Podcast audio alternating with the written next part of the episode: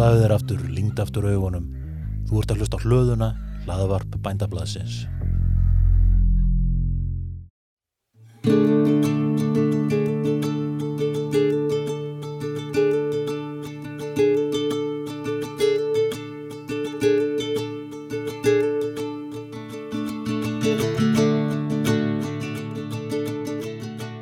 Heil og sæl, hefta á sjötti þáttur hlaðvarps Hafari, samtalum lífræna framleyslu. Berlind Hessler heiti ég og er umsjónamaðið þáttana sem eru unnir í samstarfi við vor og bændablaði. Að þessu sinni ætla ég að fjallum skýslu Norrænu ráþaranemdarinnar sem var gefin út á árinu og ber heitið markaskreining lífrætnar fæðu á Norðurlöndunum og Eistrasaltsríkjónum. Ég ætla fyrst og fremst að skoða árangur Dana en líka Svíþjóðar lítilega og svo auðvitað stöðu Ísland sem má í stuttumáli segja að sé stefnulegst þegar kemur að lífrætni framleiðslu.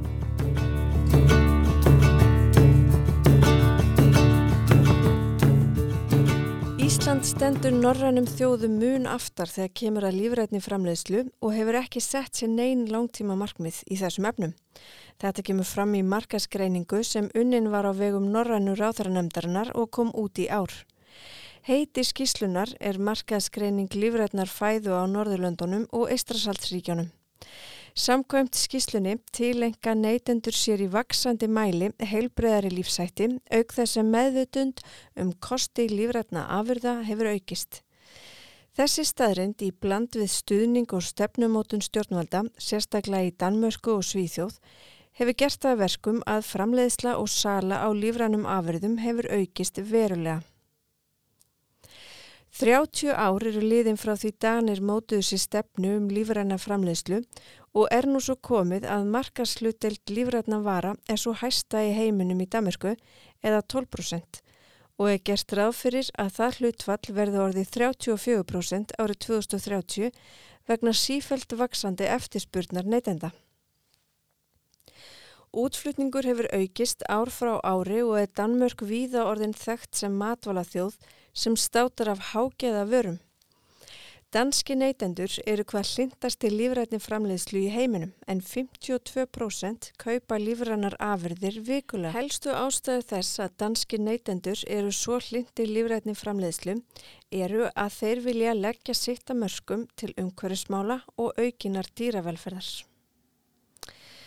Svíþjóð státar af hæsta hlutfalli lífrænsvottas lands eða 19% og hefur það hlutfall aukist um 160% millir árana 2005 og 2017. Lífrann framleiðsla verður því alltaf fyrirferða meiri í sænsku landbúnaðastefnunni eftir því sem framlýður og sprettur þessi breyta nálgun mikið til frá kalli neytenda eftir lífræntvotum afurðum. Í Danmösku hefur hlutfall lífrænsvottars lands vaksið um 108% millir árana 2005 til 2018.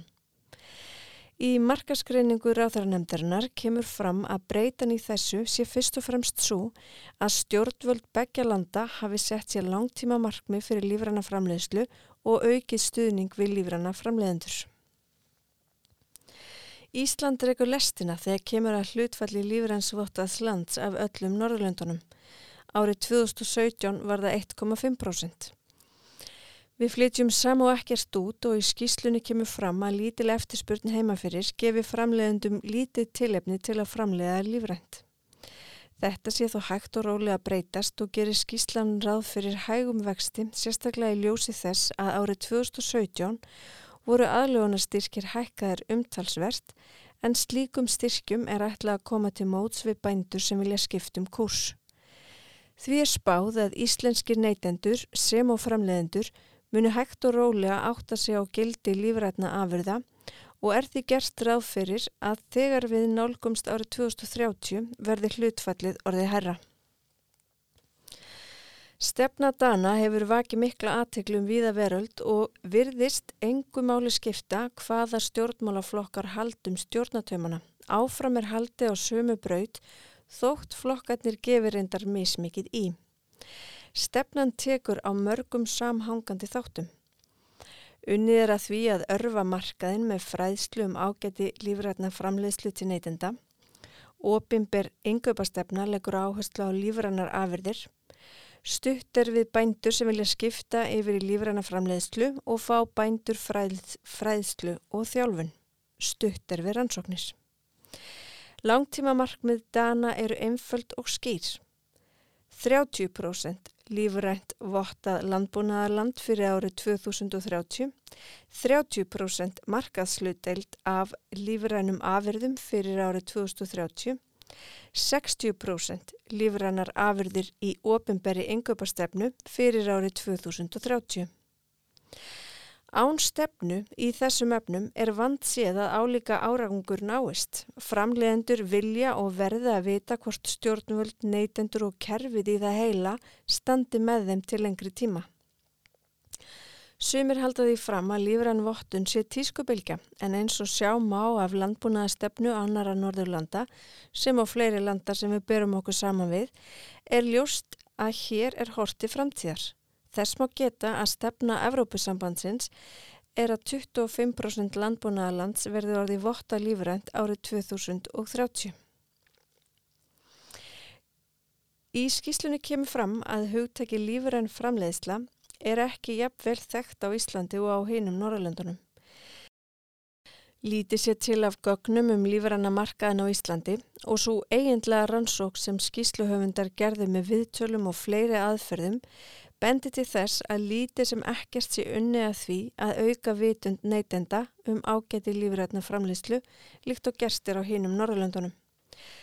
Þau gögn sem þó séu til gefið til kynna að markaðarinn sé stekkandi, bæði hvað varðar framleiðendur og neyslu, en ekki séu næg gögn til að áætla vöxtin eða stærð markaðarins.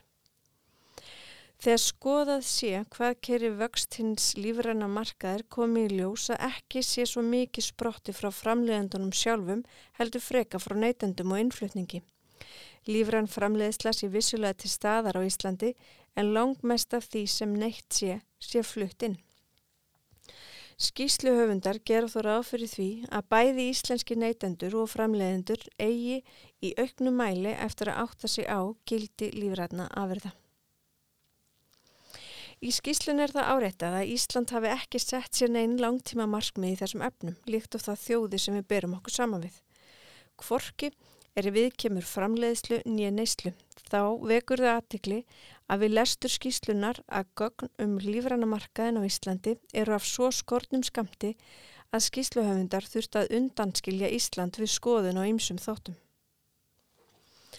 Átagsverkefninu Lífrænt Ísland var sundi af stað í vor. Á sama tíma voru kynnta niðurstöðu skoðunakonunnar um lífræna framleiðslu á Íslandi og áhuga neytenda. Leiti hún í ljósa ríflega 80% þjóðarinnar er jákvæðka hvert lífrætni framleiðslu á Íslandi. Markmið Lífræns Íslands er að opna augu neytenda, framleiðenda og stjórnvalda fyrir ágæti lífrætna framleiðslu. Verkefnið er leitt af vor og stutt af bændasamtökum Íslands og atvinnu og nýsköpunaraðanetinu. Horst er til dæmis til Danmörkur og Svíþjóðar í þessum öfnum og vonast er eftir að neytendur og stjórnvöld leggist á sveifina. Það er mikilvægt að bregðast við kalli neytenda og svara eftir spurn eftir lífrætni framleyslu. Mótum okkur stefnu til framtíðar. Takk fyrir mig, heyrums næst.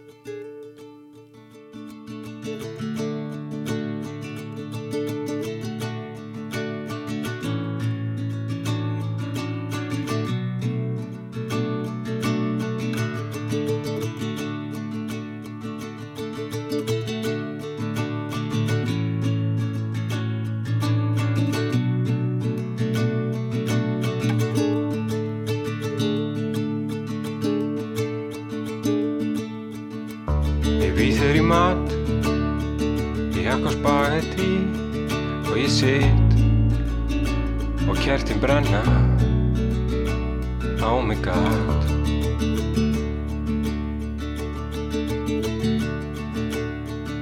og svo kemur þú inn og þú tókst með pappa þinn sem að tegur svo fast í spaðan minn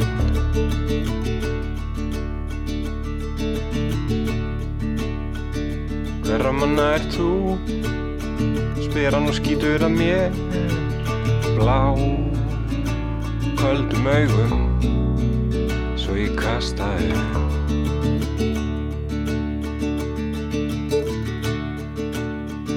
Yfir kjólinn þinn Og kvöldmatinn Og föður þinn Sem að tekur í lurginn Á mér.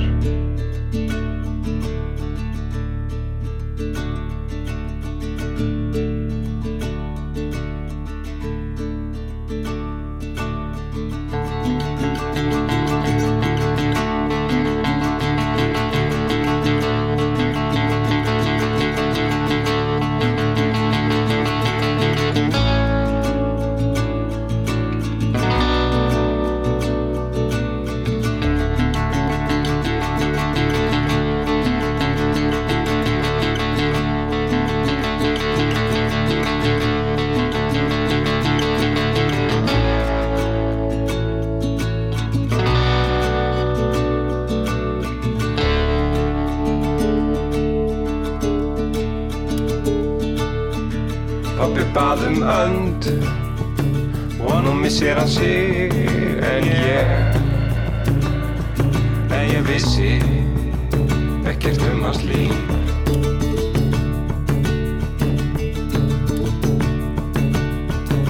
Og hér sitjum við þrjú og ég spjör honum úr. Mun aldrei ég mun aldrei fá þína hönd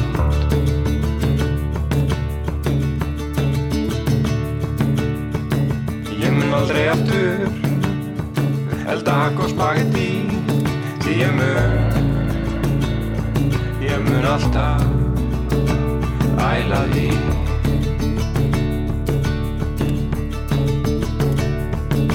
Ég mun, ég mun alltaf